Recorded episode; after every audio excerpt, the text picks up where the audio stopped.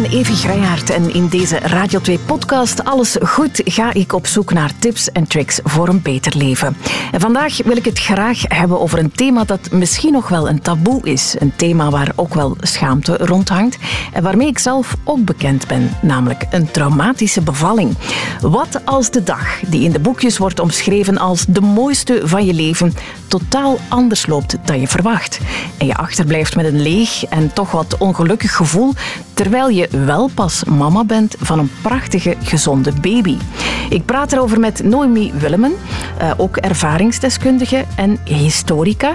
Zij doet onderzoek naar de geschiedenis van het moederen.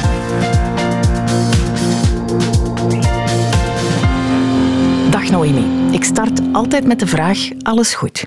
Best wel, eigenlijk. Misschien al even kort, maar straks gaan we er zeker uitgebreider op ingaan. Een traumatische bevalling, wat is dat?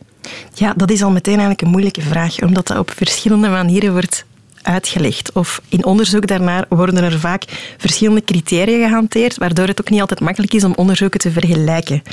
Um, als je kijkt naar onderzoeken over bevallingen, bevallingservaringen, dan zie je eigenlijk dat er als je terugkijkt naar het onderzoek van professor Claire Stramrood, gynaecologe uit Nederland, en dat is in 2022 nog eens herhaald door um, een dokter Hanna van der Pijl, dan zie je dat ongeveer consistent 10 tot 20 procent van de mensen die bevallen zijn achteraf zeggen ik heb die als traumatisch ervaren. Dat wil niet zeggen dat je daarna ook een posttraumatische stressstoornis uh ontwikkelt. Dat gebeurt ongeveer bij 1 tot 3 procent van wie bevalt.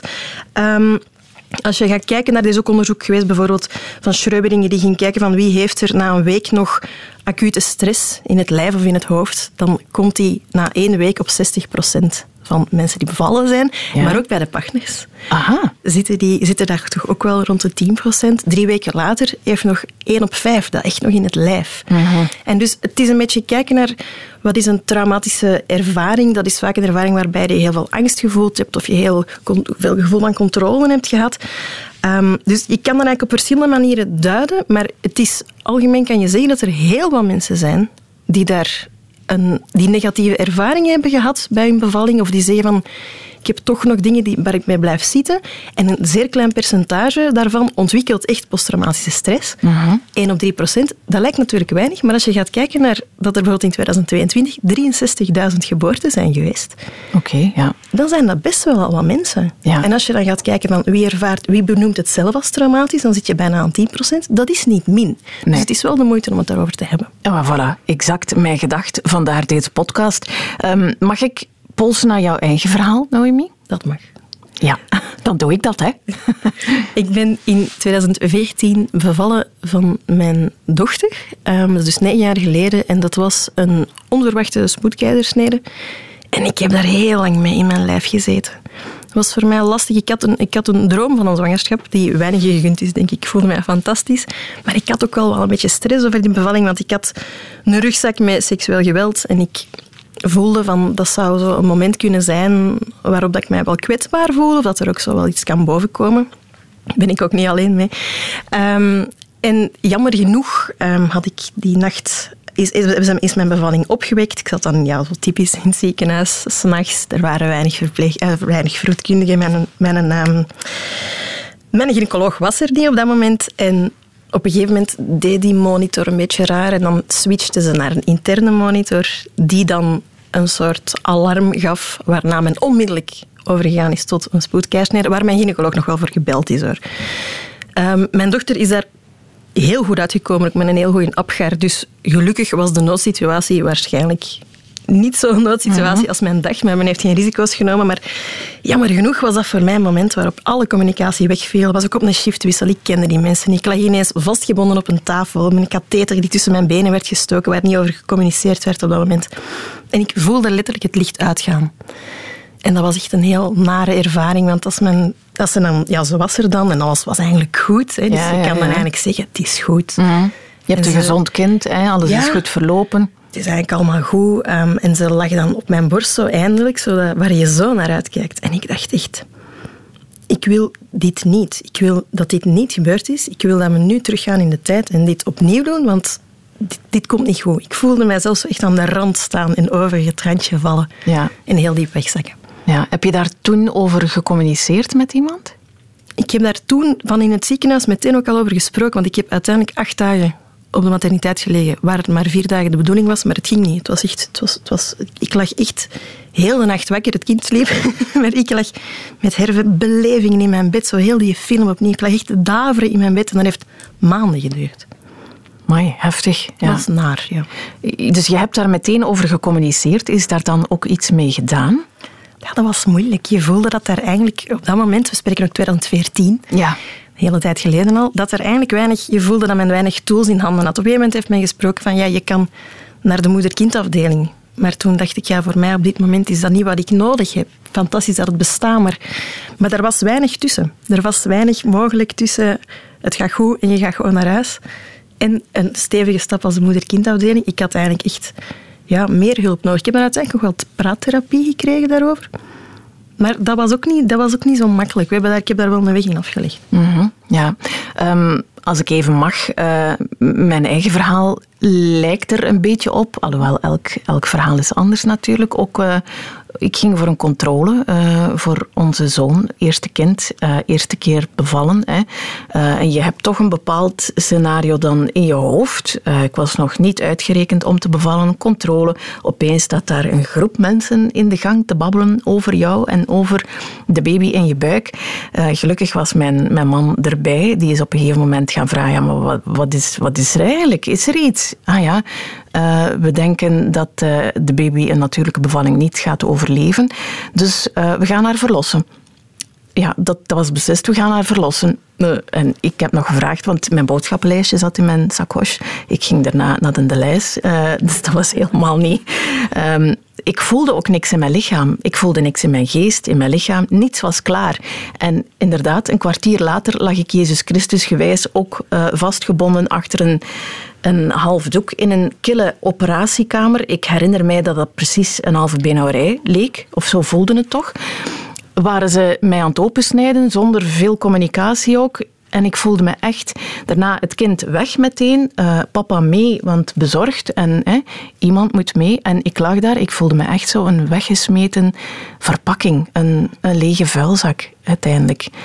En ik heb daar niet met iemand over gepraat, maar ik heb mij zo maandenlang ontzettend slecht gevoeld, eenzaam, schuldig, angstig. Ik dacht, wat voor slechte moeder ben ik? Ik hoor hier op die roze wolk te zitten. Ik hoor in de wolken te zijn met die gezonde baby. Want uh, voor, voor uh, bleek er dan toch niks aan de hand. Um, maar ik had geen band ook met hem. Ik kwam terug op de kamer na uh, intensive care dan, of, of recovery liever. En ze leggen hem op mij en ik had zoiets wat, moet ik hiermee? En ik dacht, my god, what have I done? Ook zo het gevoel van, kunnen we dit, kunnen we dit kan dit stoppen? Nee, dus ja, dat heeft zo lang geduurd voor, voor ik daar een beetje mijn eigen weg in heb gevonden. Ja. Ik vind dat zo herkenbaar, ja. Ja. En, en ik, ik durfde het gewoon tegen niemand zeggen. Niet tegen mijn eigen moeder, niet tegen mijn partner, niet tegen mijn... Want ik had zoveel schrik van het oordeel van... Wat gaat men van mij denken? Wat voor onmens ben ik eigenlijk? Ik heb een gezonde baby. Hm. Um, en mijn gevoel is, en misschien of hopelijk is dat ondertussen veranderd, maar er werd vooral gekeken naar hoe is het met haar wonden? Hè? Hoe is het met haar lichaam? En, maar er is ook nog die andere wonden dat was ontzettend invasief en ik had geen controle meer. Ik, ik, ik was niet meer dan ja, een verpakking waar het cadeautje werd uitgehaald. En het cadeautje was er dan en ja.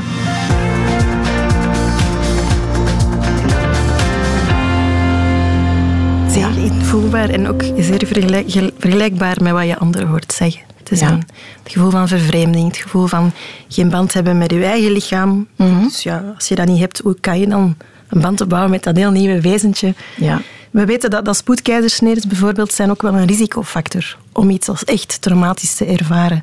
Net omdat het snel gaat, niet verwacht was. Dat er dan een hele reeks handelingen gebeuren die op voorhand niet zijn doorgesproken van nu gaan we dit doen, nu gaan we dat doen. Zeker als er dan een parfum in de kamer hangt van er is hier echt een noodsituatie. Mhm. Uiteraard ben je dankbaar dat mensen dan Tuurlijk. onmiddellijk zeggen van we gaan hier nu iets doen, maar je hebt wel communicatie nodig.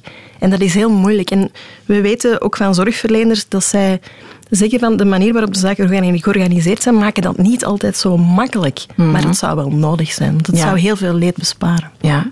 Zijn er criteria om te spreken van, uh, we hebben het al even gehad over de traumatische bevalling, dat dat een beetje moeilijk is om daar echt um, in bullet points te zeggen, als, als dit checking the box is, uh, als dit en dit en dit, dan is gelijk aan traumatische bevalling. Um, maar ja, kan je zo'n paar dingen meegeven? Of een posttraumatische depressie? Wel, we weten bijvoorbeeld, als het gaat over, echt over, die, die, een traumatische bevalling, gewoon naar het dossier kijken volstaat niet. Want je kan in een dossier lezen dat iemand iets heel gelijkaardig meemaakt. Hè? En dat je komt, je komt uh, op verloskamer, er is opeens een situatie waarin alles anders loopt dan verwacht. Er wordt een kindje uitgehaald, um, soms moeten die kindjes ook gereanimeerd worden of, of maak je echt heel heftige dingen mee wat weten we? Dat mensen heel heftige dingen kunnen meemaken en die toch niet als, als traumatisch ervaren. Dus het, heeft, Claire Stramrood verwoordt dat mooi, zegt van het gaat meer, vaak meer over hoe je dingen ervaart dan over wat je dingen ervaart. Want zaken kunnen heel heftig zijn, mhm. maar als je het gevoel hebt dat je in contact bent met je omgeving, dat er genoeg wordt uitgelegd, dat je genoeg gedragen voelt, kan je dat eigenlijk goed doormaken. Dus het heeft heel vaak te maken met hoe mensen het beleven. En dat is valide, dat is geldig. En dat is een switch die we nog aan het maken zijn. Dat die beleving belangrijk is. Want effectief, we weten dat... Omdat je vroeg van... Hoe, hoe, hoe um, wat, is, wat, is, wat is trauma dan? Effectief, je kan je slecht voelen, je kan je vervreemd voelen, je kan heel angstig zijn. Posttraumatische stress, dan spreek je over als er echt psychische klachten ontstaan die je in het dagelijks handelen uh, ambeteren, dat je, dat je slecht slaapt, dat je herbeleving hebt. Dat kan soms heel erg ver gaan. Mhm. Denk aan Vietnam-veteranen situaties achter je. Ehm, maar je kan ook, ja, dat heeft een impact op je zelfbeeld, heeft een impact op je relatie, op je, op, op je, op je beginnend gezinnetje vaak. Dat, ja. dat is niet makkelijk. Dat heeft een serieuze... Dat kan heel wat schokgolven veroorzaken. Ja, ik, ik merk zelfs nu, als ik erover praat, dat het met enige schroom is, mhm. nog altijd. Uh, en, en dat er ergens nog die uh, inner voice, mijn, mijn Cruella noem ik ze, uh, mijn innerlijke criticus, zegt van schaam u. Hè, hoe durfde? Um, allee, uiteindelijk is alles goed gekomen en je bent gewoon niet sterk genoeg geweest en je kon het gewoon zelf niet aan en het lag aan u. En wees dankbaar. En wees dankbaar, inderdaad. Ja. Um, bang voor reacties, toch nog ergens een beetje. Ik denk dat die, dat is, dat is, ja, dat is dat is actueel. Hè? Als je kijkt naar hoe mensen ook reageren op dit thema. Je, je wil de social media comments vaak niet lezen van mensen die zeggen van allee, een trauma van een bevalling. We hebben vaak een manier van over bevallingen te spreken. Die, waar, dat ook wel in zit. Dat een bevalling een soort van strijd is die je aangaat. Je hoort heel vaak van die heel mhm. heftige verhalen van ik ben geknipt en toen hebben ze dit en toen waren ze keert op mijn buik aan het duwen. En vaak van die bloederige battle stories. Maar dat is dan iets dat je dan maar moet meemaken. We hebben het over zwangerschap van zo'n roze wolk en die bevalling. Oh, dat is één dag. Daar moet je door als een krijger en dan mm. ben je het vergeten. Dat is, dat is zo een manier van daarmee om te gaan of daar mopjes over te maken. Van, oh, ik liet mijn waardigheid achter aan de deur. En dan kan je afvragen, van, is dat eigenlijk zo grappig? Dat we over zo'n belangrijk live event, dat toch in het leven van heel veel mensen toch wel ja, een belangrijke gebeurtenis, dat we daar dat soort mopjes over maken, kan, kunnen we ons niks leukers of beters voorstellen ik denk dat we niet moeten streven naar de bevalling als een soort van kersentuin voor heel veel mensen. Maar er kan wel je, je, je waardigheid aan de deur achterlaten. Ik denk dat dat absoluut niet hoeft. En daar zijn veel zorgverleners het ook over eens. Dat hoeft niet. Ja, ik herinner mij ook als ik, eh, als ik dan aan het bevallen uh, was van uh, onze, onze dochter, dat was een natuurlijke bevalling, dat daar opeens iemand in dat bevallingskwartier stond. Een, een vrouw, ja, gelukkig dan maar misschien, maar ik lag daar helemaal openbeens ja, geëtaleerd. En ik had zoiets van, hoe de fuck is dat nu weer? Ik lig hier al van al mijn waardigheid ontdaan en nu komt hier nog iemand binnen ook. Dus da daar wordt nog heel uh, medisch mee omgegaan, hè, met heel dat bevallingsgegeven. Zo. Ik denk dat je, als je naar de geschiedenis gaat kijken, je mag, je mag weinig grote lijnen trekken in de geschiedenis van iets als moederschap. Ook, ook al zeggen wij van dat is iets super universeel en bevallen, iedereen doet dat. Mhm. En door tijden en, en culturen is dat altijd... Dat, er is veel meer variatie op dan we denken. Maar wat is bijvoorbeeld een hele grote lijn die we wel kunnen trekken? Geboorte is in onze westerse wereld vanaf de eind 19e doorheen hele 20e eeuw zeer sterk gemedicaliseerd. Mhm. Dat is een, en dat draagt, kan ook bijdragen tot het feit dat mensen het er moeilijk mee hebben. Dat wordt bekeken als een zeer medisch gebeuren, waar je inderdaad gelukkig bij kunnen genieten van een zeer goede gezondheidszorg. Fantastische zorgverleners zijn die zeer goed in toog houden wat er gebeurt en waar men zaken die vroeger bijna een zeker doodvonnis waren, mhm. vandaag kan behandelen. Ja. Geweldig. Maar dat heeft natuurlijk als collateral damage dat wij ja, van een, waar men vroeger beviel in een sociale omgeving. Was het vroeger anders? Was er meer aandacht voor dat andere stuk? Ik zou dat niet zozeer durven zeggen. Ik denk dat we als we naar, naar de geschiedenis van bevallen kijken, we moeten echt met een historische blik kijken. Ik denk dat we te vaak, als we het hebben over het ja, over bevallen, denken van vroeger was het zoveel beter. Ik denk dat we moeten onthouden dat doorheen de geschiedenis is bevallen voor de mens een groot probleem, tussen aanhalingstekens, een, een issue geweest dat omgegeven was door heel veel door, door stress of door, ja, door, door, door letterlijke doodsangst. Mensen bevallen niet zo heel makkelijk, zeker in tijden waar er ondervoeding was of dat, mensen broze bekkens hadden, kon van alles mhm. gebeuren. De kans dat je, er, dat je erin bleef of dat je iets overhield of dat je kindje erin bleef, ook in tijden van zeer hoge maternale sterfte na de bevalling of kindersterfte, was heel hoog. Ja. Dus we mogen daar geen te rooskleurig beeld over hebben. Het feit dat we vandaag een gezondheidszorg hebben in onze contraien die ook zo toegankelijk is voor de meesten, dat is, dat, heeft, dat is voor de mensheid een zeer grote oplossing voor problemen die echt mensen hun levens beheerst. Mhm. We mogen niet in de val trappen van te denken van als we het aan de natuur overlaten met een grote N, wat dan ook een construct is, dan zal het altijd beter gaan. Het, is, het zit in, ja, als je het zo mag zeggen, het zit in de mens en natuur om technische problemen te zoeken, oplossingen te zoeken voor problemen. En dat hebben wij in bevallingen heel goed gedaan. Maar je ziet inderdaad dat je in een heel medisch straatje terechtkomt en dat we dus niet meer in een sociale omgeving, omringd door mensen die we kennen of door vrouwen van het dorp, bevallen. Maar ja, je stapt binnen in een ruimte bij professionals die je vaak nog niet gezien hebt. Nee. En dan is er een bepaald protocol dat doorlopen wordt. Ehm, wat, wat, dat heel goed is, inderdaad, zoals je aangeeft. Hè. We mogen dankbaar zijn. Maar heb je er een zicht op, uh, Noemi, of dat tegenwoordig in de opleiding bijvoorbeeld wat meer aan bod komt? We weten dat men in de opleiding zeker moeite doet om het te hebben over communicatie en um, bijvoorbeeld patiëntenrichten. Maar bijvoorbeeld een opleiding tot gynaecoloog, dat leer je vooral op stage.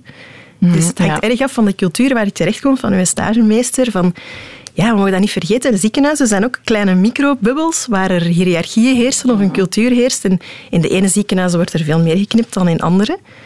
Dus ik denk, om het voorbeeld te geven van knippen, men zegt vaak van er is een overmedicalisering. Ik denk dat we dat kunnen. Er is zeker een overmedicalisering. Er wordt, maar er is veel meer aandacht voor. Ik heb het gevoel dat er, het debat opent zich, dat er veel meer aandacht is voor het belang van een geïndividualiseerde ervaring waarin de patiënt, en dat is in dit geval echt de zwangere, um, deelneemt aan de eigen bevalling, informatie krijgt, daarover kan communiceren, eigen inbreng kan brengen. Dus dat, dat begint te komen, maar dat is niet makkelijk. Ik weet bijvoorbeeld op het gynaecologisch congres dit jaar ging het onder andere over patiëntenrechten. Hoe breng je dat in de praktijk? Mhm.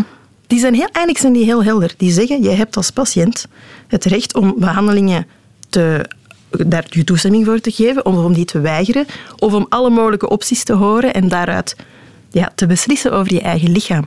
Op papier zijn we het daar erg over eens, maar dat is niet zo makkelijk om in de praktijk te brengen, omdat we effectief een cultuur hebben, en die heerst ook onder onze artsen van, die dokter moet zorgen voor die dokter bovenaan de hiërarchie, en daaronder staan dan de vroedvrouw, dus een hiërarchische situatie, die moet zorgen voor moeder en kind.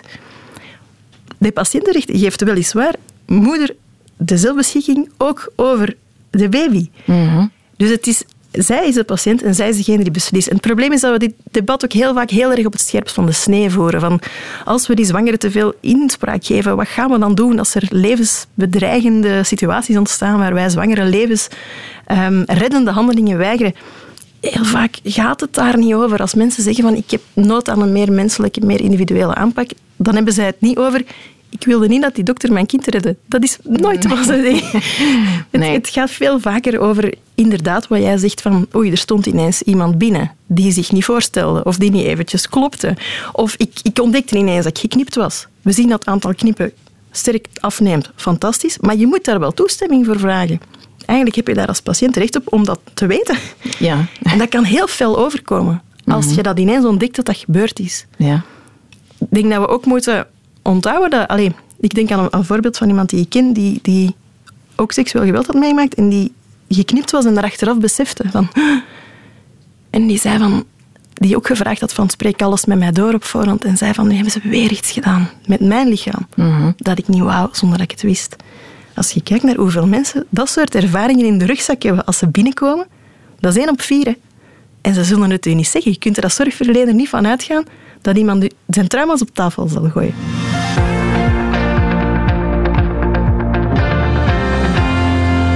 Wat, wat moeten we dan doen? Hoe- zouden we het beter kunnen doen? Goh. Het is een heel kluwen. Hè? Ik denk dat we ervan, wat, wat- je zei, mogen ervan uitgaan. Er zijn in de loskamers zijn er geen slechte intenties. Ik geloof dat niet. Wat weten we wel, als we aan zorgverleners vragen, zo langs een bachelorproef over gebeurt van, zie jij soms situaties die niet kloppen met te weinig toestemming, met dat er misschien te grof gehandeld wordt of dat er te weinig communicatie is? Dan zegt bijna elke zorgverlener, ik heb dat al gezien. Of ik heb mij al in een situatie bevonden waar ik me achteraf vanaf, van afvroeg van, hmm, dat is menselijk. Dat, dat je, allee, dat, dat- we moeten allemaal onthouden dat we allemaal mensen zijn, denk ik. En ik denk dat het belangrijk is om te zien dat we een systeem hebben dat een soort grensoverschrijdend handelen, dat is misschien veel gezegd, dat is misschien al een sterk woord, maar dan een situatie waarin een zwangere zich misschien vervreemd voelt en het gevoel heeft dat een cadeautje is dat uitgepakt wordt waar ze weinig inbreng in heeft. We, creëren die ook wel door de, door de, door de infrastructuur. En een bevalling is geen knieoperatie. Als jij je knie laat opereren, wat al heftig genoeg is, dan ga je, dat, is, dat is geen kattenpis, dan ga je op voorhand met je dokter bespreken. Dan heb je dan daar foto's, dan zegt hij van ik ga ongeveer dat doen, ik verwacht dat, misschien is er dit, dan zou ik nog eventueel dat kunnen doen en die revalidatie zal zo verlopen. En op die dag gaan we dat doen. Ja. Bevallingen zijn erg onvoorspelbaar. Dus vaak heb je een gynaecoloog 15 minuten per keer gezien tijdens de zwangerschap. En dan ga je bevallen, sta je daarmee weeën en is er een heel ander team, vaak van wacht. En die moeten dan vaak met heel veel, voor heel veel mensen tegelijk zorgen, zeker als het nacht is. Er is een sterke onderbemanning. Doe het dan maar, hè, om aan te voelen wat dat iemand nodig heeft. Want eigenlijk zitten mensen in een heel kwetsbaar levensmoment dat voor hen heel belangrijk is. En de, de mensen op de vloer moeten dat elke dag bestieren, maar voor jou is dat jouw moment. Doe het maar, lever dan maar. Dus ik denk dat we sowieso, dat zal ik altijd zeggen, structureel, we moeten meer investeren in onze zorg.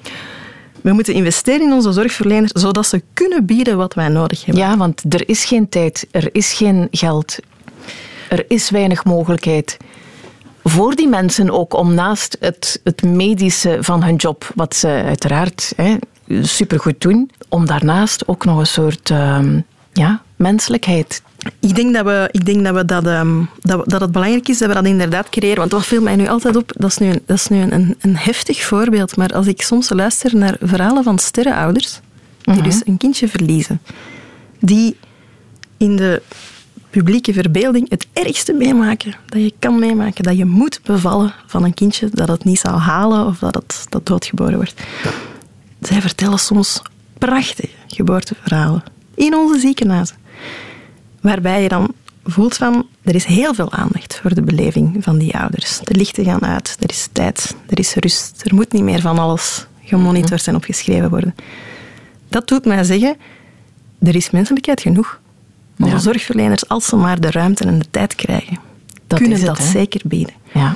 Maar dus we zitten in een systeem dat, wat mij betreft, veel meer investering mag krijgen om geïndividualiseerde zorg aan te bieden. We mogen ook niet vergeten, in het kader daar rond, men heeft bijvoorbeeld, eh, minister De Blok heeft dat gedaan, heeft het aantal lichtdagen gekort dat je in het ziekenhuis ligt. Je moet sneller naar huis.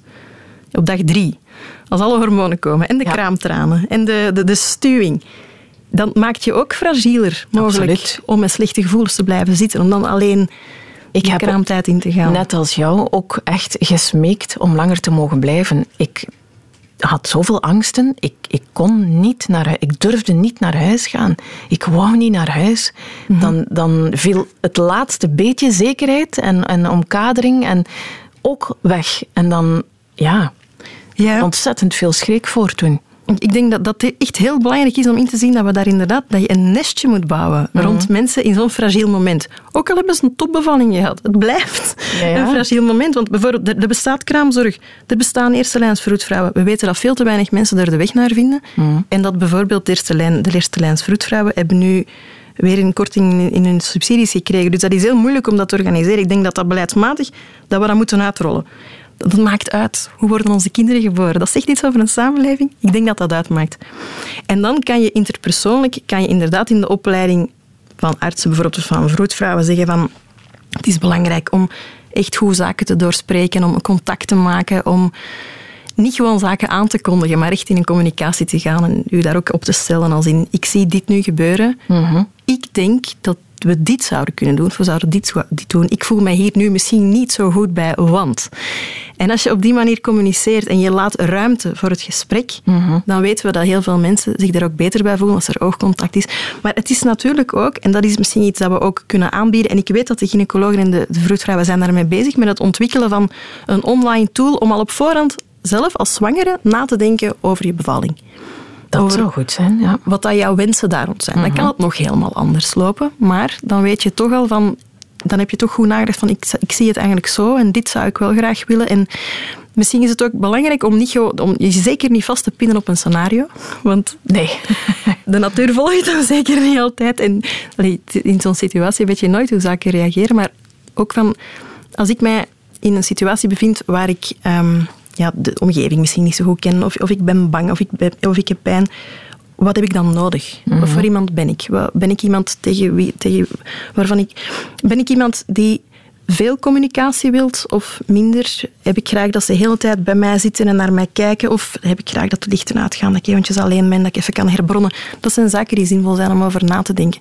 En ik weet dat die beweging er is. En er is ook zeker een beweging om na te denken over hoe kunnen we ervoor zorgen dat er minder standaard geknipt wordt of minder standaard wordt ingeleid. Of er zijn zo van die zaken die je kan, die je kan toepassen. Een van mijn beste vrienden is gynaecoloog. Die zegt bijvoorbeeld van als het tot een inleiding komt bij een zwanger die dat eigenlijk helemaal niet wauw, dan zijn er ook wel zachte methoden. Dan zegt zij van ik start bijvoorbeeld heel heel traag weewekkers op, maar ik laat de vliezen intact, zodat die vaak toch nog beter te, eh, te dragen zijn. Voor iemand die bijvoorbeeld zei van ik wil zonder pijnbest- eh, pijnbestrijding, dan lukt dat wel. Maar dus dat je een soort geïndividualiseerde aanpak hebt. Want ik denk dat dat een heel belangrijke is. Iedereen wil zich veilig voelen. Maar bij de ene betekent dat, ik zou eigenlijk graag een geplande keizersnede hebben. En bij de andere betekent dat, ik zou graag in een bad bevallen en dat niemand aan mij aankomt. Ja. Maar de bedoeling is eigenlijk wel hetzelfde.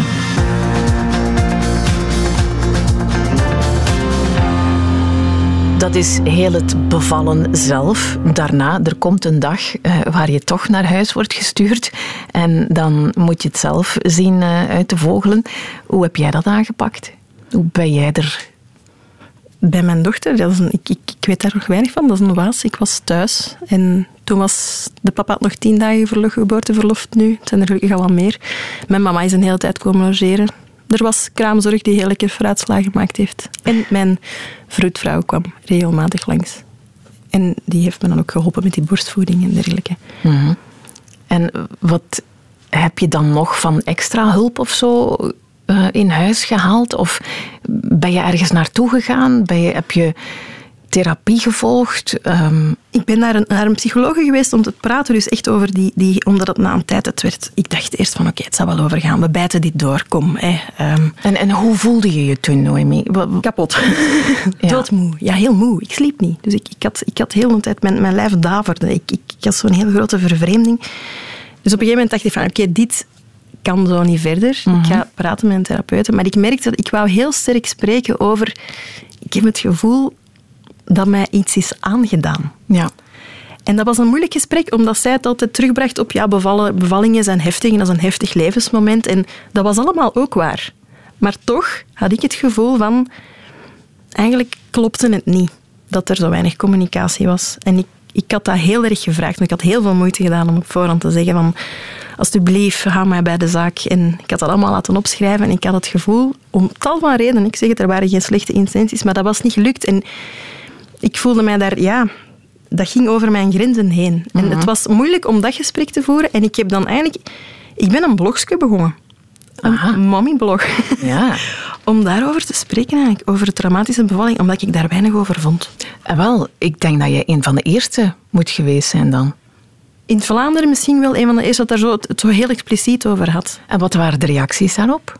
Wel, je hebt de goede gemeente die dan zegt, maar manneke toch, het is voorbij, geniet van uw baby. Mhm. En dan heb je heel veel anderen die stilletjes in persoonlijke berichtjes Mhm. sturen van, oh my god, ik herken dit. Ja. Ik heb dat ook, ik heb dat ook meegemaakt.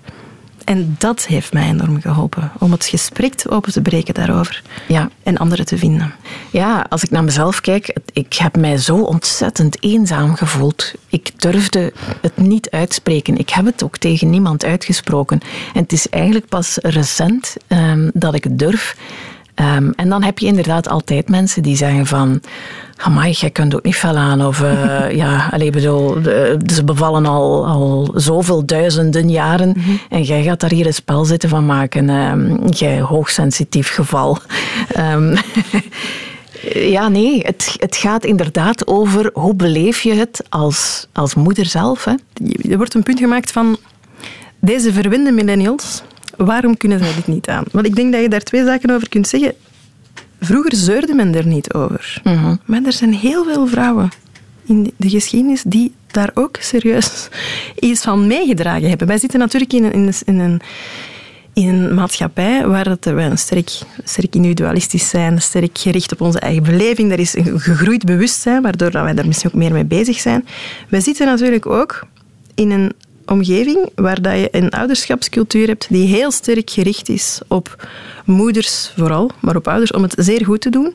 En dat begint al voor de geboorte. En dus heel veel mensen hebben ook al tijdens de zwangerschap het gevoel van ik moet hier een band creëren met mijn kind. Dat, dat is het begin van een goede opvoeding en van een goede hechting. En dan moeten we een goede bevallingservaring hebben. En als je kijkt naar populaire geboortecultuur, dan heb ik het vooral over hoe erover wordt gesproken op sociale media, op Instagram.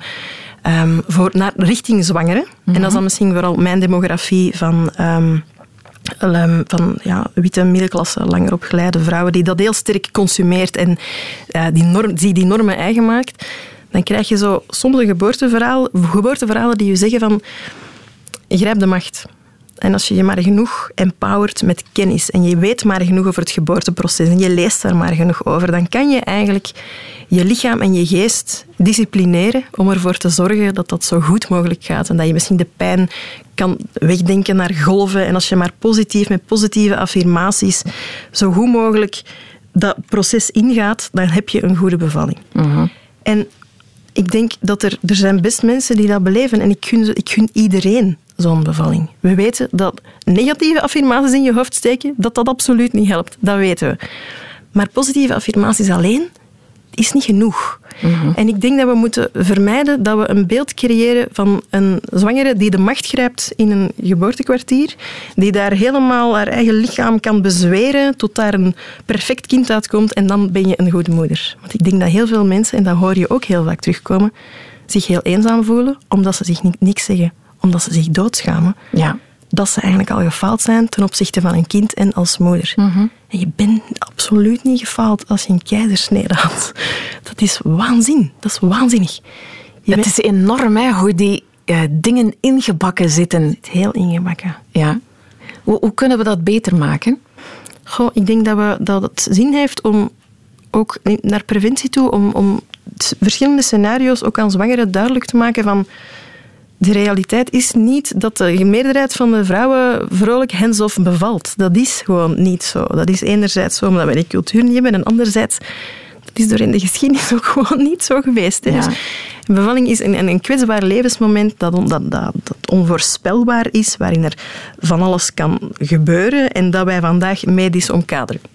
Ehm, en als we daarin verschillende scenario's duidelijk maken en misschien kunnen aan zwangeren echt, in, echt die info geven van denk goed na over wie, ben, wie jij bent op zo'n moment en wat jij nodig hebt. Ik denk niet, en dat meen ik oprecht, dat we dat in een geboorteplan als in steen kunnen vastbijtelen. Dat is zoals seks. Je kan op voorhand zeggen van ik wil dit en ik geef toestemming. En tijdens toch nog denken oei, hier zit iets niet helemaal juist. En dat, dat is het moment waar we op moeten werken. Ja.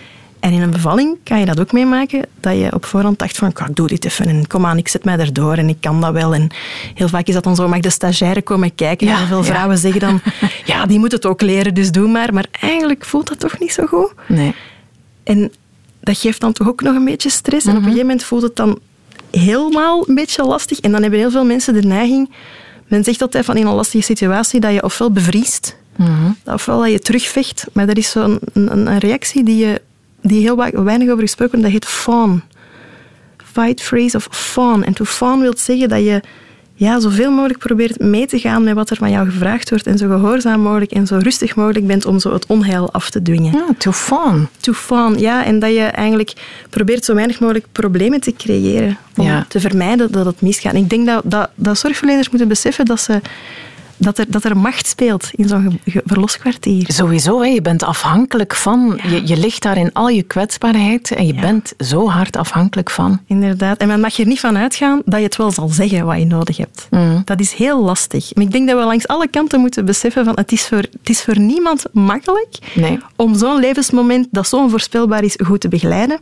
Ik denk dat het zinvol is om inderdaad na te denken over wat zijn geboorteplannen, geboortewensen en hoe kunnen we mensen zo goed mogelijk daarin ondersteunen en zo menselijk mogelijk. Is het bij jou bij één kind gebleven? Nee, er is er nog eentje gekomen. Maar ik heb dat dan heel anders aangepakt. Ik had dan een vroedvrouw en een huisarts mee naar het ziekenhuis.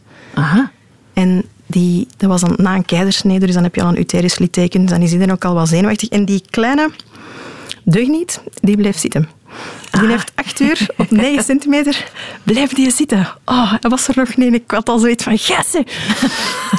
en op een gegeven moment, maar dat was dan ook zo'n onaangenaam moment, kwam de vroedvrouw van het ziekenhuis binnen die duidelijk telefoon had gehad van de arts. Die rond middernacht wou weten, moet ik nu nog komen of kan ik gaan slapen, veronderstel ik. Ja. En die had een ultimatum gegeven. Als hij binnen het half uur niet uit is, kom ik in keizersnede doen. En dat werd mij niet uitgesproken, want je voelt dan zo de politiek van het ziekenhuis, van mhm. de, vroed, de vroedvrouwen die dan naar het ziekenhuis mogen komen. Dat is ook niet altijd de makkelijkste situatie ten opzichte van de ziekenhuisvroedvrouw, die dan met de gynaecoloog niet makkelijk. Dus dat was een heel onaangename sfeer. En uiteindelijk hij is er met getrek en gesleur, maar zonder knip, is hij, er, is, is hij eruit geraakt met zo'n gezicht. Ik zie zijn kop nog, met een gezicht van... hier ben ik nu. What was all the fuss about? Ja, ja. Maar ook dat was niet zo'n leuk moment, want dan leek dan zo van dat je een strijd gevoerd had. En ik wens het elke zwangere toe om geen strijd te moeten voeren, maar gewoon... Ja, gewoon dat het kan zijn wat het is en dat er tijd is en dat, er, ja, dat je je goed voelt. Ook ik voelde mij aan mijn tweede, dat ik zo'n soort een gevoel van een slechte winnaar te zijn. Ik had het hmm. systeem zo gezegd overwonnen, maar dat was mijn bedoeling niet. Ik wou niet winnen, ik wou mij gewoon lekker voelen. En ik voelde aan al mijn zorgprofessionals dat die uiteindelijk allemaal een beetje in een lastig parket zaten, omdat ik het hen een beetje moeilijk maakte. Is niet fijn, hè? Nee, niet tof. Nee, als je veel voelers hebt en je voelt dat dan hangen. Maar ik denk dat we, um, dat we daar wel moeten over geraken. Dat we inderdaad moeten kunnen zeggen van iedereen doet zijn best, maar toch gaat het soms nog mis. En wat kunnen we daaraan doen? En wie kan daar allemaal zijn steentje aan bijdragen? Ja, voilà. Dat is een, een heel mooie kijk op de dingen. Ja. ja, ik heb ook echt goede hoop dat dat aan het gebeuren is. Mhm. Zachtjes aan. Zachtjes aan. Stel Noemi, um, ik ben een jonge mama uh, en ik ben aan het luisteren. Ik herken dit, dat schuldgevoel, die angst, um, die onveilige situatie waar ik op dit moment uh, in zit. Waar kan ik terecht? Goh, er is een, een website, Wolk in mijn hoofd, die bijvoorbeeld adressen verzamelt van plekken waar je terecht kan en die ook getuigenissen verzamelt. Dus ik zou zeker aanraden om u te omringen, misschien door anderen die iets gelijkaardigs hebben meegemaakt. Om te beseffen dat je niet alleen bent. Mm -hmm. Um, en om het bespreekbaar te maken, als het kan, via uw gynaecoloog of uw vroedvrouw of uw huisarts. En ik hoop dan dat men in staat is om u naar de juiste zorgverlener, psychologische zorgverlener, als je die hulp nodig hebt, te verwijzen. Denk wel, ik heb wel het gevoel dat er meer en meer rond perinatale gezondheid wordt, mentale gezondheid wordt gewerkt. En dat er mhm. meer en meer zorgverleners zijn die zich daar ook meer en meer in specialiseren. Eh, persoonlijk mocht ik het uh, moeten herdoen, ik zou het liever niet meer uh, moeten herdoen, maar uh, zou ik ook aanraden, praat er gewoon over. Ja. Toekoer met iemand, met iemand die je vertrouwt, bij wie je je veilig voelt. Eh, maar een luisterend oor en je verhaal even kunnen doen. Het uitspreken voor jezelf ook. Het durven erkennen, denk ik, is al heel veel. Heel veel, denk ik, ja. En ervan uitgaan dat als je het gesprek opent, dat er zeker mensen zullen zijn die zullen zeggen ik herken dit en je bent niet alleen. Ja. Ik denk dat het belangrijk is om te beseffen dat je ook altijd kan herstellen wat dat er misging. En dat je ook maar een mens bent en dat je hoe dan ook, als je het gedaan hebt, heb je, heb je het gedaan. Hè? Je bent bevallen, je hebt het gedaan. Jij hebt dat gedaan. In Start to Run zou ik zeggen, ik ben fier op je. Dank u wel, Evie. Dank ja, hou vol. Nog even. Allee, een leven lang wel. Uh, spoiler. Uh, Noemi, uh, bedankt dat je er was. merci ook om jouw persoonlijke verhaal te delen. Ik denk dat dat ehm, ja, doorleefde kennis delen is altijd nog fijner dan er gewoon een boek, een theoretisch boek over te lezen. en voor jou duiding ook. En uh, eindigen doe ik graag met deze bedenking. Uh, ken je iemand die in deze situatie zit, die de roze wolk niet ziet of niet meteen ziet? Uh, deel deze aflevering dan zeker ook als een vorm van graag zien. En zoals altijd op het einde van Alles Goed um, vraag ik of alles nu goed is. Wel nee, nog steeds niet. Maar ik hoop toch weer net dat tikkeltje beter na het horen van deze aflevering.